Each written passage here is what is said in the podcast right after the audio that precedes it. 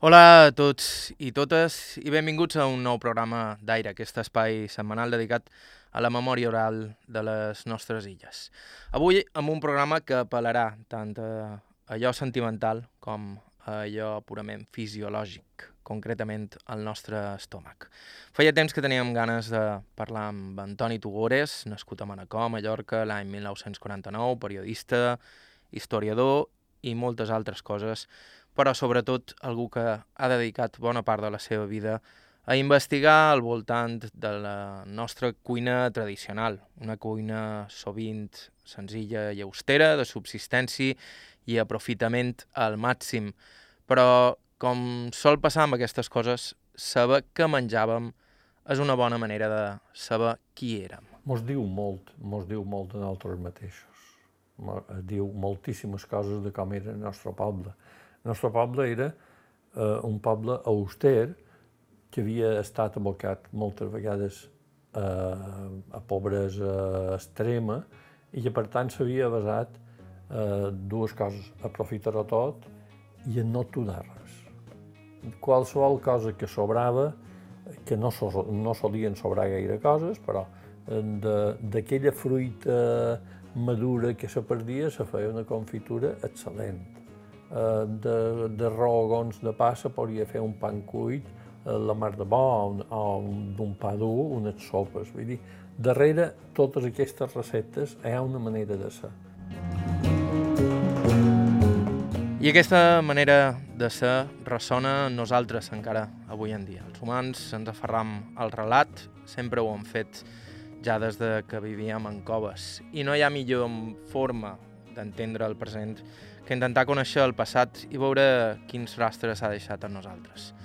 Avui viatjarem en el temps de nou per saber un poc més sobre la cuina dels nostres avis, besavis i més enrere encara. Estau escoltant Aire a IB3 Ràdio, vos parla Joan Cabot. Començam.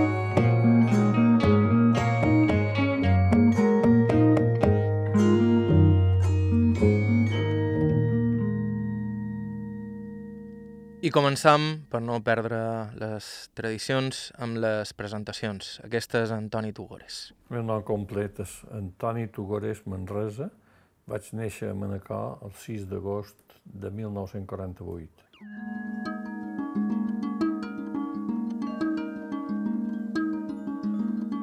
Meus pares, ma mare sempre va fer de dona de casa seva a partir de, de que es va casar. Abans havia fet feina a les perles, com tantes altres dones manacorines.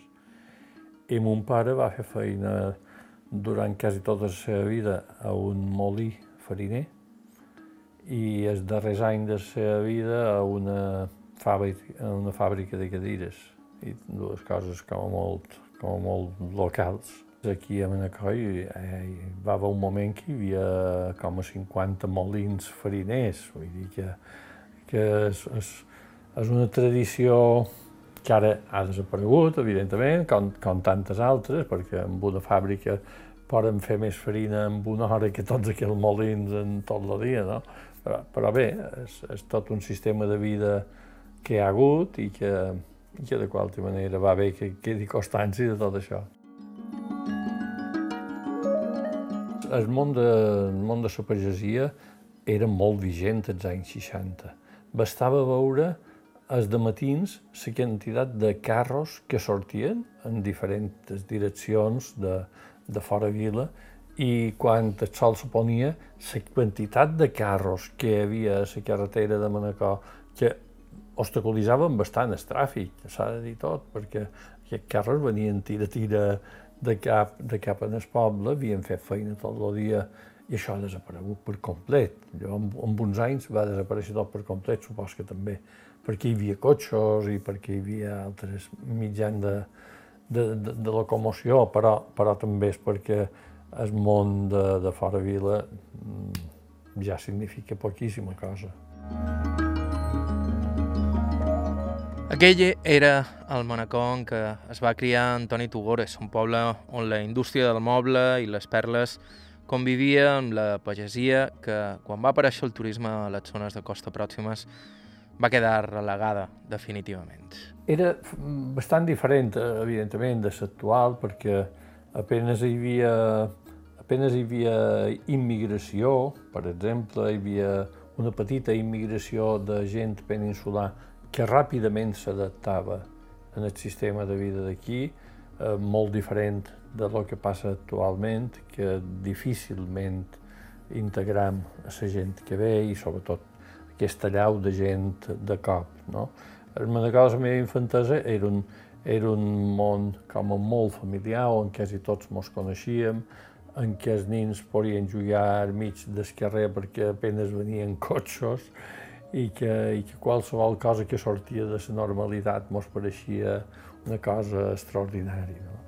I mentre que ara estem tots curats d'espans i que no, i que no hi ha res que signifiqui cap sensació molt nova. No? Jo recordo una de les coses més, que més m'ha sorprendre va ser, va ser, per exemple, l'exhibició d'en Sansó, o de, de, de, en Sanson de Sant Llorenç, eh, que va ser una, una exhibició extraordinària. Això va ser un fet que, que, que ho recordaré tota la vida, però hi havia en aquell moment moltes carreres de bicicletes, inclús per dins d'uns circuits urbans que, que estaven en pèssimes condicions, perquè apenas estaven asfaltats els carrers, carreres de motos internes dins Mallorca, avui en dia ja tot això eh, ha desaparegut. Eh, anar en el futbol eh, era, era un fet extraordinari, que els homes que, que defensaven la samarreta del Manacor ja m'apareixien eh, els millors jugadors de, del món no? i les carreres de cavalls, eh, tot això significava, i jo supos que per, per, per alguna gent encara significa, significa molt.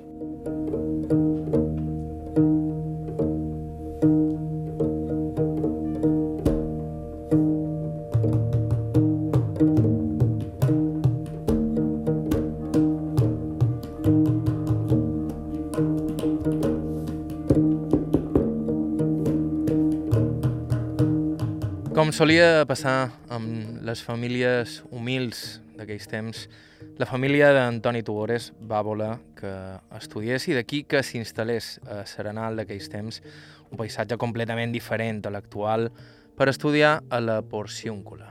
Jo vaig estudiar inicialment a Manacor i llavors vaig anar a estudiar a la Porciúncula. I vaig estar una sèrie d'anys allà i vaig rebre una formació que jo considero molt bona, els temps que vaig estar allà.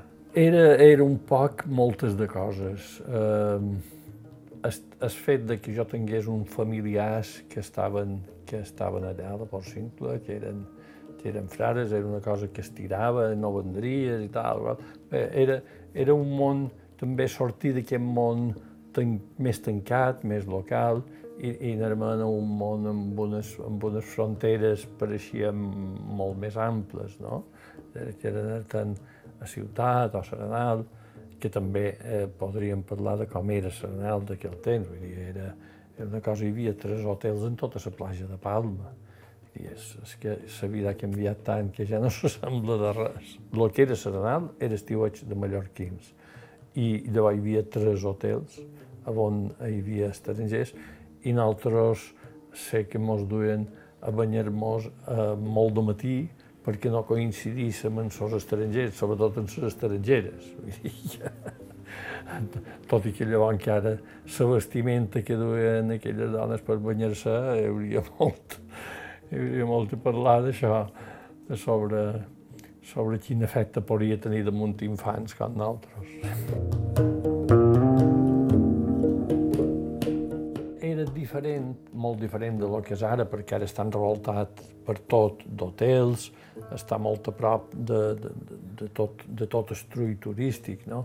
Llavors estava molt aïllat, era una finca molt gran, 40 corterades, pràcticament tot de pinar, que per nosaltres, per jugar, era, era un lloc fantàstic, i per estudiar, jo penso que teníem, tinguérem molt bons professors i si un tenia ganes d'estudiar, jo crec que d'allà sortien bastant preparats, bastant preparats. Eh, eren, la majoria eren famílies humils. Ses, ses que, o sigui, els, els atlots que estàvem allà, la majoria érem eh, fills de famílies humils. Moltes famílies no podien pagar uns estudis ni superiors ni això. I jo record quan tenia 13, 12 o 13 anys, un dia vaig dir a ma mare, mare, jo no vull continuar allà, jo no, no tinc vocació de, de religiós i tal. I, i ma mare m'ha demanat, i què t'agradaria ser? Vaig dir, m'agradaria ser metge. I, i ma mare m'ha dit, fill meu, mira, això t'ho poden pagar, perquè eren uns preus, francament, com molt, a molt assequibles per les famílies pobres. No? Això t'ho poden pagar, però l'altre no. I aleshores ja te, teníem un cert esperit de, de, de conformació, mos ensenyaven a que mos conformàssim sempre en el que, en el que hi havia. Conformar-se, però havent vist que hi havia món més enllà de Manacor. De fet, en Toni m'explica que un cop feta la, la porciúncula, costava tornar-se a trobar a gust al poble. Només veníem eh, per passar unes petites vacacions, per Nadal, Pasco i a l'estiu. I a l'estiu. I sí, però el món, el món que te trobaves quan tornaves era, era canviat. Eh, ja, ja era diferent, els amics les teníem allà de sa, eh, i, i els, els amics que havien tingut d'infància ja tenien les seves pròpies pandilles i, i era, ja, ja era més mal de fer integrar-te dins la vida del poble quan vivies a fora. Així que, un cop acabats els estudis a la Porciúncula, va decidir partir. Vaig anar, vaig anar a Barcelona a estudiar a Bellaterra, a estudiar periodisme, el que molt aviat ho vaig haver de deixar perquè ja me cridaren a files.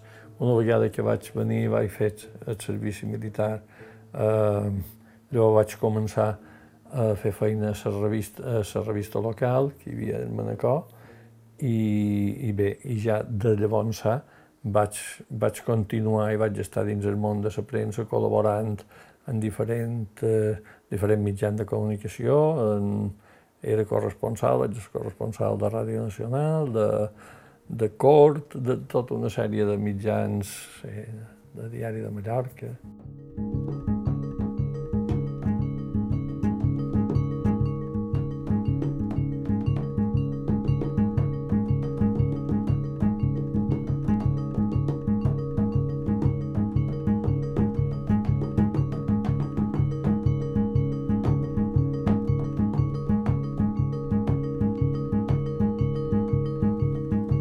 Ha estat al front de la premsa local de Manacor, on potser Antoni Tugueres ha invertit més anys de la seva carrera periodística. Una tasca pot ser poc prestigiosa, però increïblement important als pobles, on les revistes locals són elements vertebradors de l'identitat que encara avui dia mantenen la seva vigència. Com a premsa escrita, jo crec que és dels llocs eh, Mallorca on la premsa local té premsa forana té, té, té una certa incidència dins la vida local.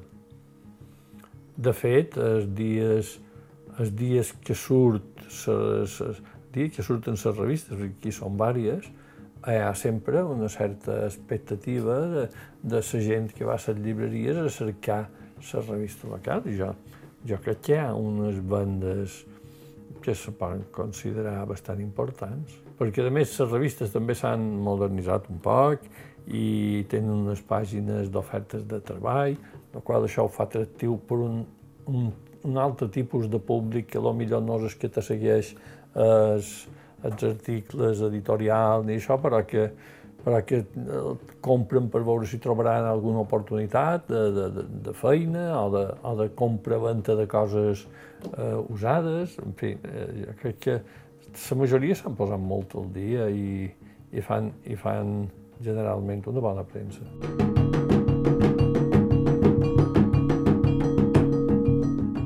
No només això, durant la dictadura franquista la premsa local sovint es permetia publicar alguns articles i entrevistes en català, una llengua gairebé proscrita en l'àmbit públic. De fet, Antoni Tugores, com tants altres, va haver d'aprendre a escriure en la seva pròpia llengua pel seu costat. El català jo diria que no estava en un segon pla, sinó que no tenia pla.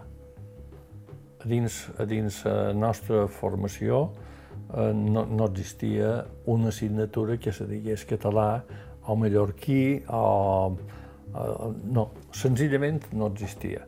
Aleshores, quan, quan tu ja ets, vas prenent un pot de consciència de, de que la teva llengua, de que la llengua dels teus pares, dels teus padrins, dels teus avantpassats. Um, jo, en el meu cas, i no ho dic en gens d'orgull, en això és que quasi, quasi no vaig tenir temps de fer-ho d'altra manera, vaig, vaig haver de ser molt autodidacta. I jo vaig començar escrivint més en castellà que en català, inicialment, però en molt pocs anys ja havia girat completament i escrivia molt més en català, amb faltes, sense dubte que, que, que feia faltes, perquè no havia anat a una sola classe d'ortografia. I, I bé, i amb el temps vas perfeccionant, vas, vas rebent lliçons particulars de qualcú que te diu mira, això sempre has de fer així o has de fer així de sa, i vas aprenent. Però, però he de dir, en el meu cas, totalment, totalment autodidacta. I en el cas de la revista del poble, més o manco el mateix. Teníem, teníem una evolució constant de cap a més català, de cada vegada més, de tal manera que eh, ja en el final, que jo estava a la premsa, jo crec que ja escrivia tot, tot en català, i la revista se feia bàsicament en català, el que deixàvem les portes obertes a que si hi havia un col·laborador que no sabia escriure en català i, i sabia escriure en castellà, pogués escriure en castellà. Mm, no sé si, si això era una mica paranoic, vull dir, el fet de que hi és una cosa i l'altra i despistàvem un poc el personal, però, en definitiva, això és el que hi havia. Era Antoni Tugores, escriptor, periodista, historiador i, sobretot, pel que ens interessa avui, expert en la cuina tradicional de les nostres illes. En una estona ens anem als fogons. Estau escoltant Aire i Vetres Ràdio, fem una breu pausa i continuem. Hola de nou, estàu escoltant Aire a Ivetres Ràdio, avui amb un programa dedicat a parlar de la cuina tradicional a les nostres illes. Per ara n'hem parlat poc, és ben cert, però és que abans d'entrar-hi de bon de veres volíem saber un poc més sobre el nostre entrevistat, Antoni Tugores, perquè saber qui és ens ajuda un poquet a entendre molt millor els motius que l'han duit a investigar durant dècades en aquest camp. Ell mateix ho explica. Bé, jo sempre havia tingut una, una certa curiositat eh, quan, quan veia ma mare que cuinava, a, a vegades li demanava que me deixés fer una cosa o l'altra, perquè m'apareixia com a fascinant allò de, de transformar els, els aliments amb una cosa tan, tan bona com era la cuina que feia, que feia la nostra mare. I a més, eh, jo la tenia com idealitzada, allò m'apareixia la millor cuina del món i per tant, eh, no sé, eh, era, era com a l'aspiració màxima era aconseguir arribar a fer, a poder fer jo mateix una cuina com la que feia ella, i per altra banda, quan, sobretot després de perdre-la, eh, va ser un moment en què m'apareixia, m'apareixia francament eh, nefast que tant ella com, com tantes altres dones, tots aquests records que teníem d'elles, de, de, de la seva cuina, de com feien una cuina sumament austera, aprofitant qualsevol coseta per fer un plat deliciós, que tot això no en quedàs constància, perquè, clar, la majoria de llibres són, són llibres de, de plats com a més, com més elaborats, com, no sé, m'aprecia que, que tot i que hi havia mm, eh, tot plats de cuina balear i cuina mallorquina i tal, que quedaven molt de buis encara per, per omplir, de coses molt senzilles. I, i va ser així que mm, vaig, vaig començar per, per lo més local, diríem, per, per, per replegar tot el que vaig poder de la gent que coneixia i que també havia conegut ma mare i, i sabien quin tipus de cuina feia, però llavors vaig pensar que, que l'ideal seria poder anar a tots els pobles de Mallorca. I que no només tots els pobles de Mallorca, sinó a les abadies, a les ermites, en els ports de la mà, cercar totes aquelles possibles eh, variacions d'un plat que se feien d'un lloc a l'altre, i no només variacions eh, gastronòmiques, sinó també de, de noms de ses, de ses mateixes, dels mateixos ingredients com canviava d'un poble a l'altre. Això és una cosa que m'apareixia sumament enriquidor. Eh, nosaltres estem a dins, a dins un país que les diferències les mira amb un cert resel, sempre eh, tendents a una unitat d'una un, llengua damunt totes les altres, i jo mm, sempre m'ha prescut que la varietat és una riquesa immensa i, i no sé, a, a dins Mallorca, que és un espai tan petit, que és una terra tan minúscula, que tinguem cinc maneres de denominar els pèsols. Per exemple, segons l'àrea on vas, ho diuen d'una manera, ho diuen de l'altra. No? I, I això m'apareix m'apareix no només interessant, m'apareix sumament enriquidor.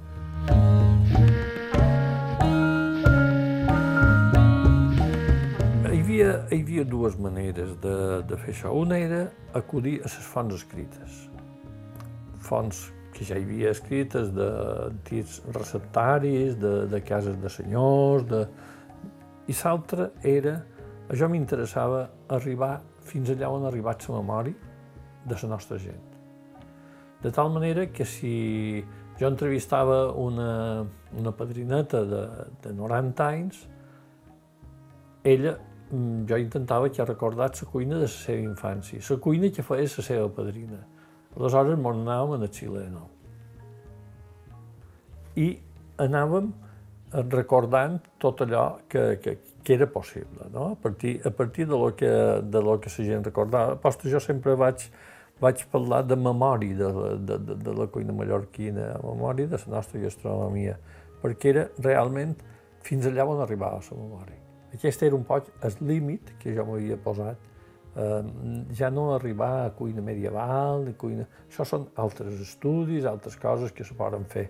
Però en quant a, a recollir aquest receptari, sí que m'interessava eh, bàsicament la memòria de la gent, la memòria dels pescadors, de les mares dels pescadors, de les filles dels patrons que havien estat famosos en aquest port de mà que, que, que, que no eren com ara, que hi havia poquíssima seguretat, que les seves barques eren més petites i que no estan, arribaven fins a les columbretes o això, i, i bé, i aquesta gent que sobrevivia de, del peix, que no sempre podien vendre el peix a grans, a grans llotges, era molt, molt, molt interessant. Igualment, la cuina dels convents, la cuina dels ermitans, tot, tot això és, és...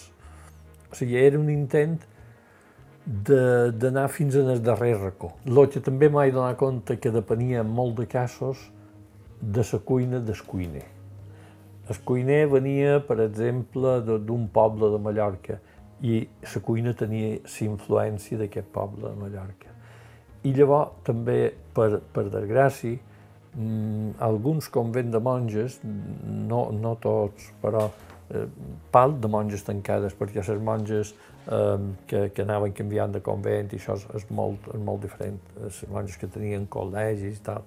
Però les monges tancades, que sempre han tingut una gran fama de tenir receptaris, sobretot de plats dolços i tal, um, m'he donat compte que no havien conservat els, els seus receptaris per escrit, sinó que hi havia una certa memòria de què feien aquest plat, però si llavors canviaven la cuinera, la cuinera eh, imposava de qualsevol manera la cuina que duia apresa de casa seva.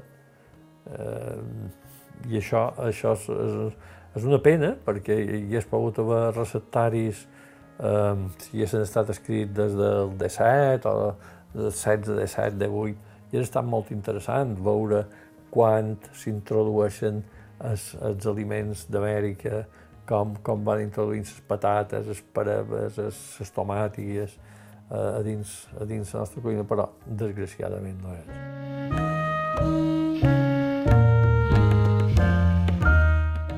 Va canviar moltíssim la cuina després del descobriment d'Amèrica, tot i que els ingredients entraren molt a poc a poc i, i, i no entraren tots de cop, sinó que uns entraren més o manco aviat i altres estaven tres sigles a entrar. Vull dir que, però la nostra cuina, eh, diríem medieval, era una cuina molt grisa, molt incolora, perquè el blanc i el gris dominava molt, la llet de melda, les meldes mateixes, a, a quasi tots els plats hi havia, hi havia aquest tipus de...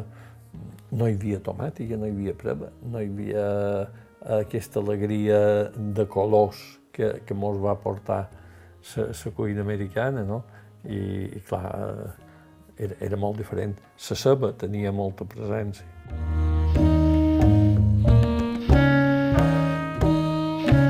No sols es tracta que una part de la nostra història culinària s'hagi esvaït, sinó sobretot que bona part de la memòria no tan llunyana d'aquesta cuina també està desapareixent i ho fa cada dia.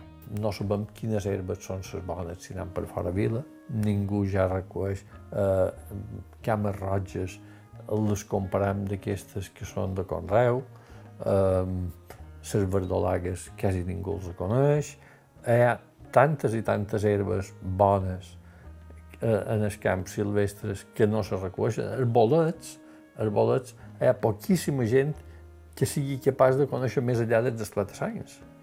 I els esclatassanys d'aquests que venen a la plaça, perquè a fora vila no saben on han d'anar cercant anar. Vull dir, tot això s'està perdent. Els nins de, de, de la meva edat coneixíem pràcticament tots els tipus d'ocells. I per què? I no ho dic en cap, en cap orgull, perquè si podíem les que saben. I, i de, de, dels ocells se'n feia un arròs excel·lent, o un fideus, era l'aprofitament absolutament de tot. I nosaltres no teníem consciència de tipus ecològic ni res, entre altres coses perquè a dins la naturalesa hi havia un equilibri perfecte que si nosaltres agafàvem 10 gorrions no passava absolutament res. Avui vivim a dins un món que han desaparegut, mm, no sé si són de, de 10 milions que hi havia de gorrions, han passat a un, i no sabem exactament per què. Clar, eh, és un altre món, és un altre món que és difícil d'explicar i que nosaltres tampoc no ens podem, no ens podem culpabilitzar de, de les nostres bestieses d'infància que fèiem amb animals, perquè és un món completament diferent.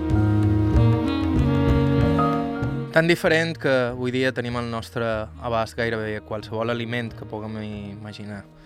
Fa no tants anys, les botigues només tenien quatre coses i si només tenien quatre coses no era perquè no poguessin oferir més.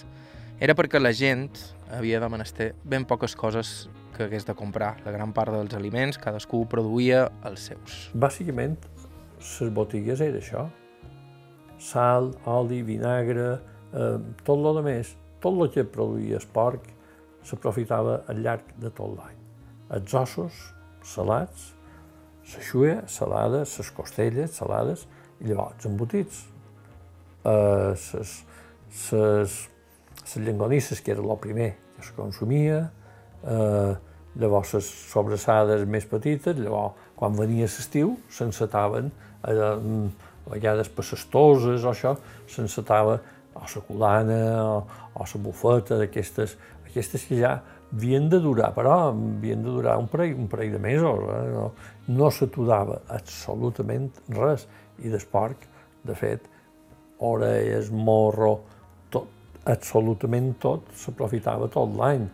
Eh, ja fos, bueno, tot l'any, fins que arribava més o manco la corema, que ja arribava a fer una mica de calor i la gent sabia que allò que tenia en sal eh, podia tornar ranci. I aleshores s'aprofitava els darrers dies, hi havia la greixonera dels darrers dies. És que tota la nostra cuina també està en funció d'aquests cicles naturals i dels cicles religiosos també. Nadal, Pasco, eh, Tots Sants, sempre hi ha una cuina al voltant de Sant Antoni, de Sant Joan, de... sempre hi ha alguna cosa que, que està al voltant de, de Sant Oral. En tot cas, la base de la dieta a les nostres illes no era ni la carn ni el peix, era bàsicament el pa i sobretot les llegums. Era el menjar bàsic, era el menjar bàsic, tret d'espà, el pa era, era elemental, però tret d'espà, que es pa se menjava pràcticament en tot, i si no també servia per fer sopes, per posar a baix descuinat de les llegums.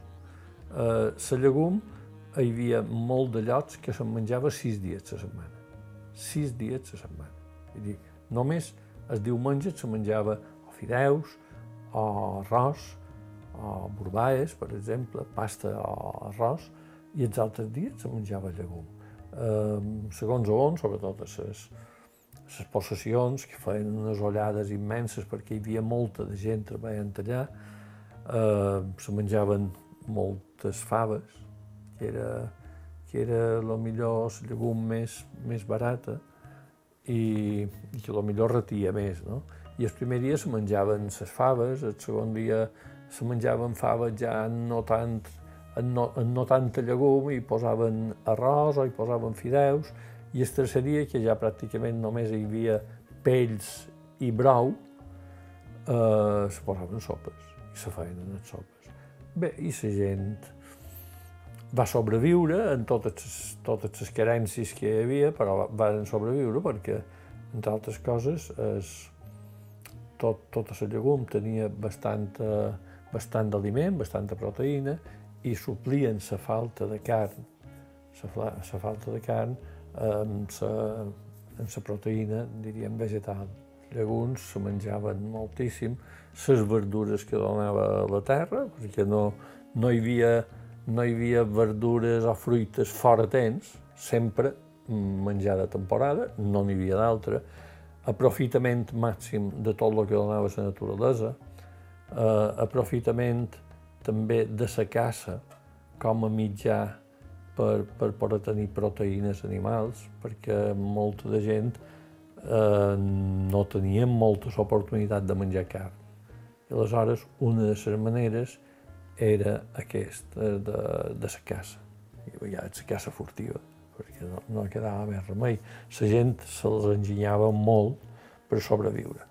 I això passava en tot, o sigui, passava, per exemple, en la sobrassada. Això que avui se menja sobrassada amb pa o pa amb molta sobrassada, això era impensable, vull dir, se menjava un, un trosset de sobrassada que, que en sopar se, se tocava un poc aquella sobrassada i se menjava, i el formatge igual. No hi havia, no hi havia sobretot a la majoria de cases, no?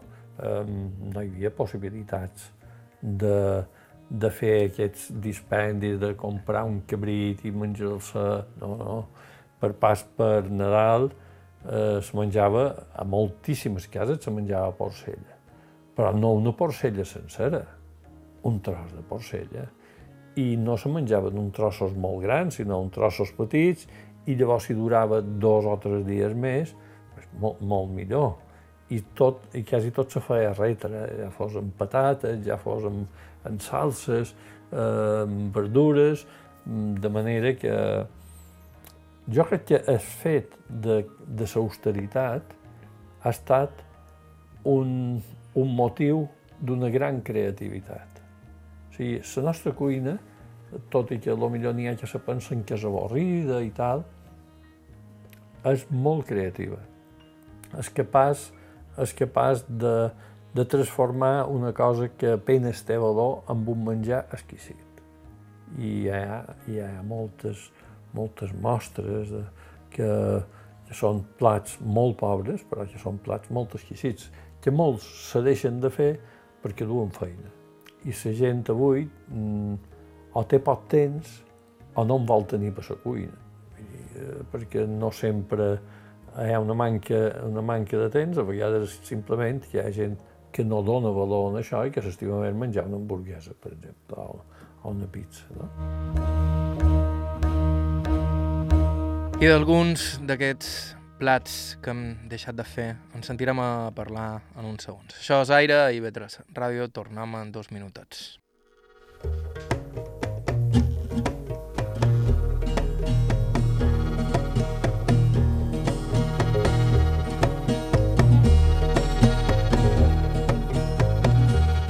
Continueu a la sintonia de IB3 Ràdio, això és Aire. Avui amb un programa dedicat a la cuina tradicional de les nostres illes, encara que més que receptes concretes, aquí el que ens interessa és què diu la nostra cuina de qui érem.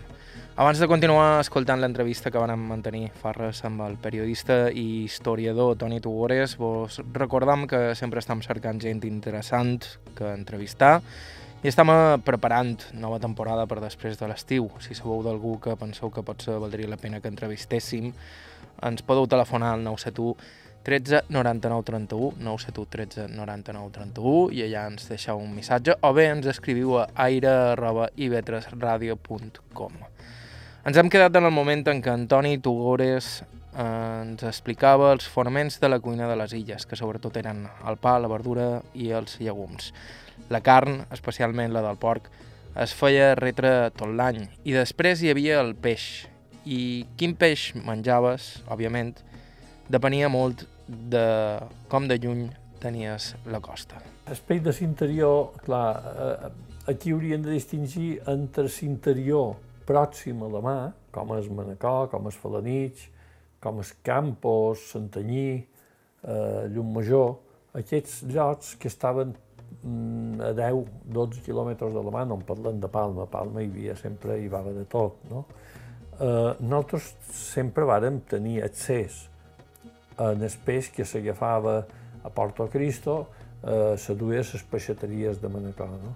Però aquests pobles d'aquest nucli central de, de Mallorca, que podrien ser Costits, Maria de Salut, Ariany, que són pobles més aviat petits, no tingueren mai una, una peixateria i per tant eh, només, només tenien accés a el peix fresc eh, molt poques vegades en l'any, que era quan se feia una pescada excepcional, que sabien els pescadors que no la podrien despatxar i agafaven carros, tapaven amb mata i tal, i ho duen en aquests pobles i era ferra pilla, perquè era un menjar sumament desitjat, eh, el peix fresc. L'altre temps mm, se menjaven arengades, arengades de moltes maneres, hi ha una riquesa immensa de, de, de receptes d'arengades i bacallà.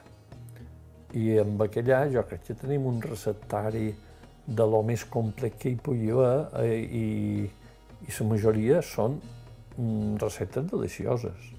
El que parlava abans, de la necessitat en feien virtut, de, de la falta de, de, de peix, pues, se tractava el bacallà i perquè no sempre fos igual, se feia de moltes maneres i, i totes delicioses. El peix arribava ben lluny i a les zones allunyades arribava el peix, sobretot en forma de peix salat i assecat, com ara les arengades. L'arengada era bastant corrent per tot, per tot, però sobretot a la zona que no hi havia la mà en aquesta zona no, no hi... A més, aquest costum ve de molt enrere, segle XVI ja, ja, ja duien sardines salades de per Sevilla, vull dir que mm, la gent sempre ha volgut menjar peix. El que passa és que a Mallorca hi havia gent que no havia vist la mà. o sigui, eh, això que pareix, això que pareix una tonteria, dir això. Hi havia gent major que no havia vist la mà. Perquè se movien sempre dins un regal més o menys petit, allà on havien fet feina, allà on havien nascut, i no hi havia més.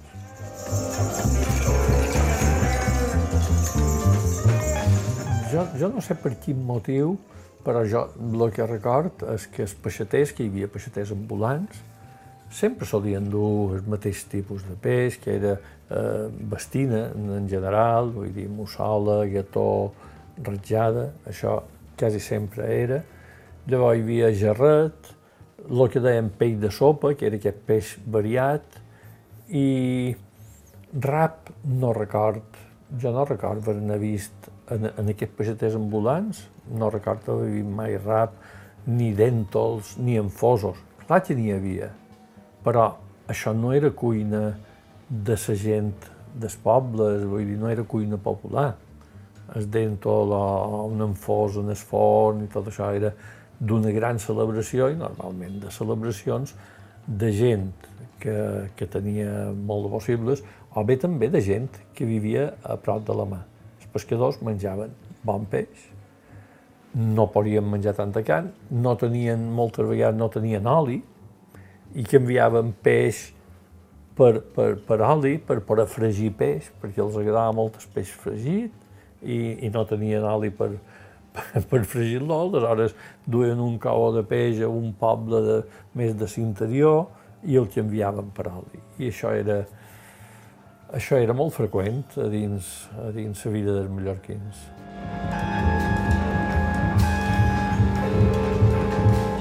El marisc de vorera, hi havia gent que preparava uns arrossos deliciosos en dos crenquets i un parell de, de pegelides, per exemple, coses que estaven a l'abast de qualsevol persona. Eh, això s'agafava amb molta facilitat. Igualment que s'agafaven amb facilitat les anèmones, les anèmones que són, eh, nosaltres les dèiem fideus, són com a, són com a fideus que, que se recollien de, de la vorera de la mà, damunt les tenasses, eh, i, i llavors se, se, se rebossaven i és un menjar excel·lent.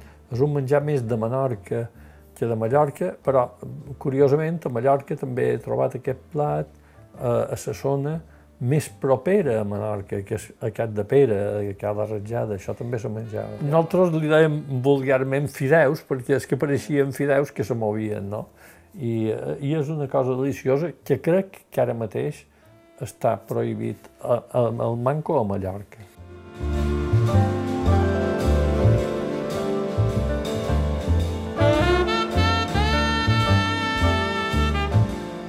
Ha altres plats que llavors eren bastant habituals que ara estan prohibits, els erissons, per exemple, o els plats preparats en carn de tortuga. Aquí era, era freqüent només o quasi, quasi, quasi exclusivament entre pescadors. Els pescadors, eh, jo no això ho he vist, eh, quan agafaven una tortuga, que n'hi havia que eren molt grans, li feien un forat damunt la closca de l'hores cap, li fermaven una corda i, el, i la deixaven fermada eh, a, dins el port, a un pal o això, i aquell animalet seguia visquent per allà dins, però fermada. No? I llavors, quan hi havia dos dies de temporal, eh, que no podien sortir, els pescadors feien, el que deien ells, feien una vega, feien, feien un, un dinar com a de, de confraternitat de, de diferents pescadors, de diferents barques, i solien fer una guiat de tortuga.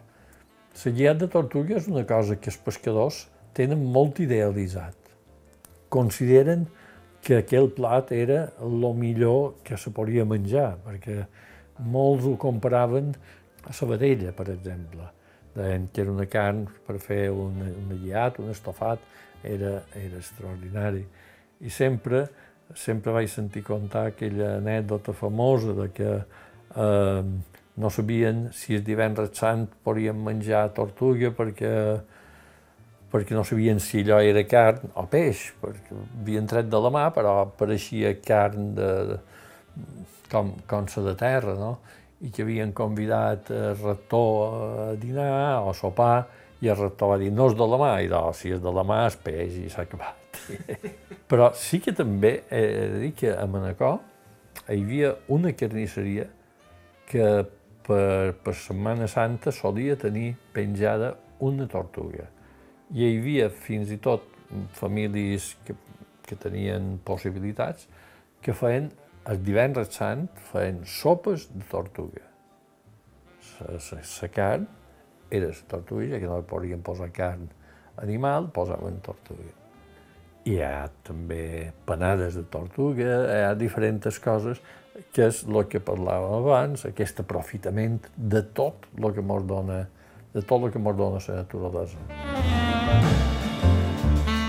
Ja sigui perquè algunes matèries primes ja no es poden trobar a les botigues quan no estan directament prohibides tenir-les o caçar-les, o per altres raons, el registre de plats autòctons ha anat restringint-se fins que queda reduït a una sèrie de plats que més o manco coneixem tots i trobam a molts restaurants. Mira, hem tingut una visió com un poc reduccionista de la nostra cuina i en el final, quan ara a una persona nouvinguda, per exemple, li dius què coneixes de la cuina mallorquina, te dirà l'arròs brut, millor te dirà les sopes, el frito o i no en sortirem. I de, i de dolç s'encimada. Hem, hem reduït la nostra cuina a mig dotzena de plats, que n'hi ha que els fan acceptablement bé, restaurants que no són excessivament cars, i no, no, no faré propaganda de ningú, eh, i gent que els fa molt bé. Però, en definitiva, han reduït la nostra cuina a eh, no sé si a mitja dotzena o una dotzena de plats, però, escolta, que, que són molt pocs. I jo estic treballant ara mateix amb una, amb una base de, de 600 receptes diferents. Com és possible que, que hi hagi plats que eren mm, sumament atractius, que, que avui no se facin, simplement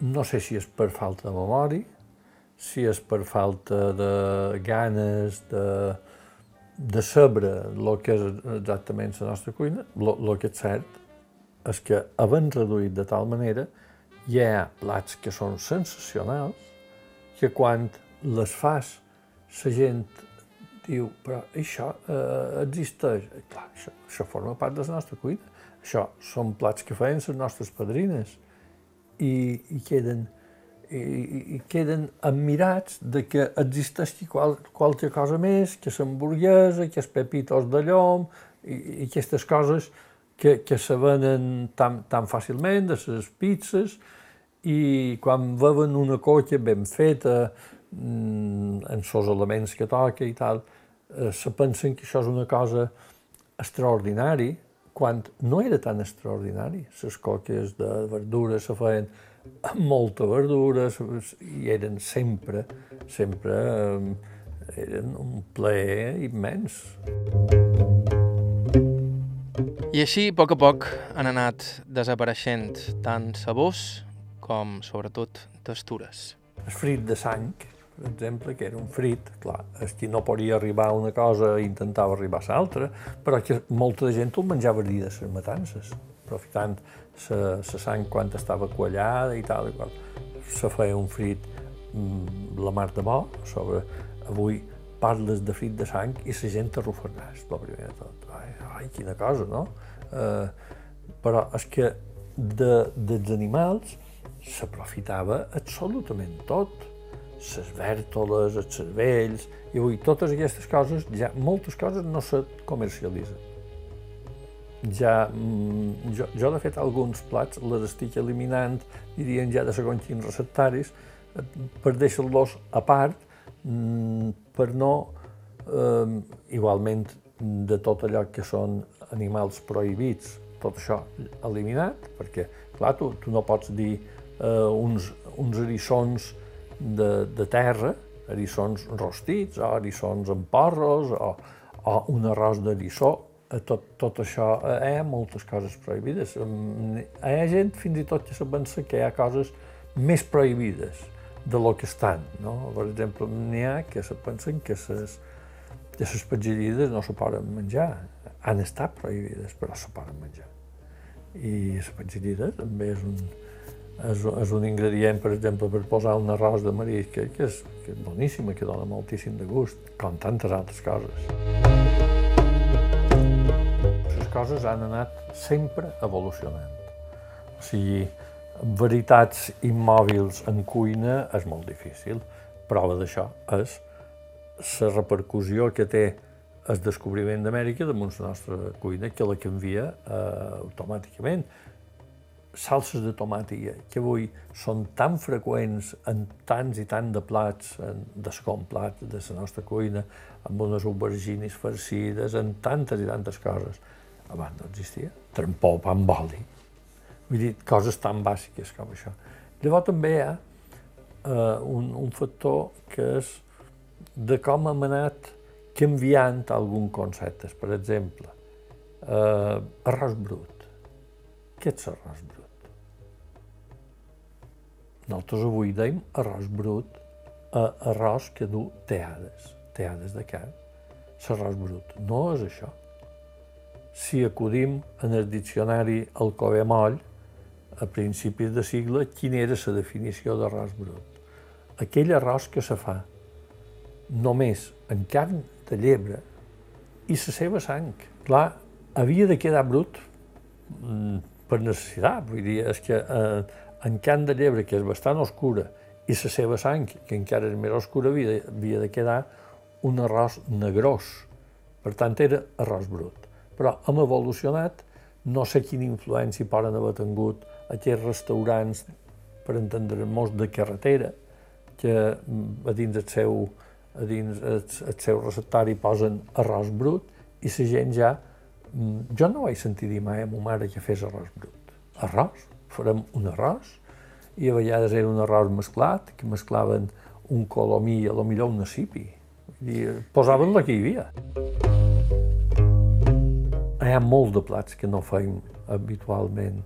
Possiblement, possiblement serien plats relacionats amb pastes, per exemple, borbaes i plats relacionats amb animals de fora vila, de conills, de, aquest, aquesta cuina de caça, i llavors hi ha aquesta cuina de caça que ja mos és impossible per nosaltres, perquè ja no està a la venda.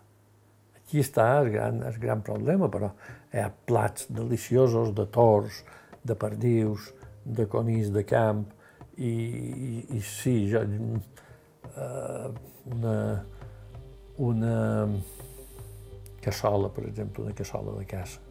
Avui és pràcticament eh, només està a l'abast dels caçadors.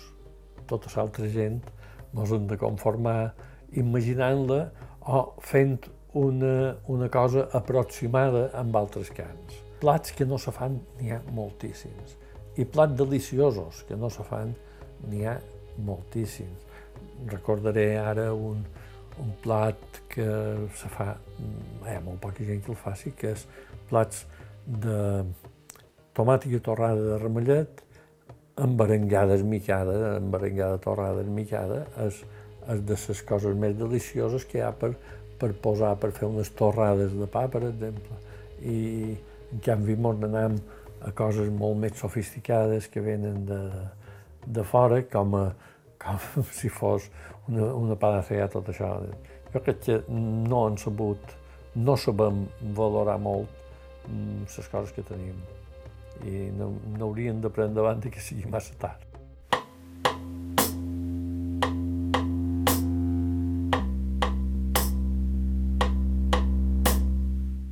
Nosaltres ho deixam aquí per aquesta setmana. Moltíssimes gràcies a Antoni Tugores pel seu temps i amabilitat i sobretot pels seus coneixements. Us recordam que si ens voleu proposar alguna entrevista ho podeu fer enviant-nos un correu a aire.ivetresradio.com o deixant-nos un missatge al 971 13 99 31. 971 13 99 31.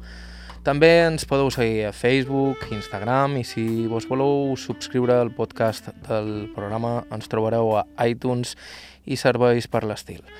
L'arxiu complet del programa el teniu a ib3salacarta.com. Bàrbara Ferrer a la producció executiva, Joan Rado avui a la producció tècnica. Us ha parlat Joan Cabot. Fins la setmana que ve.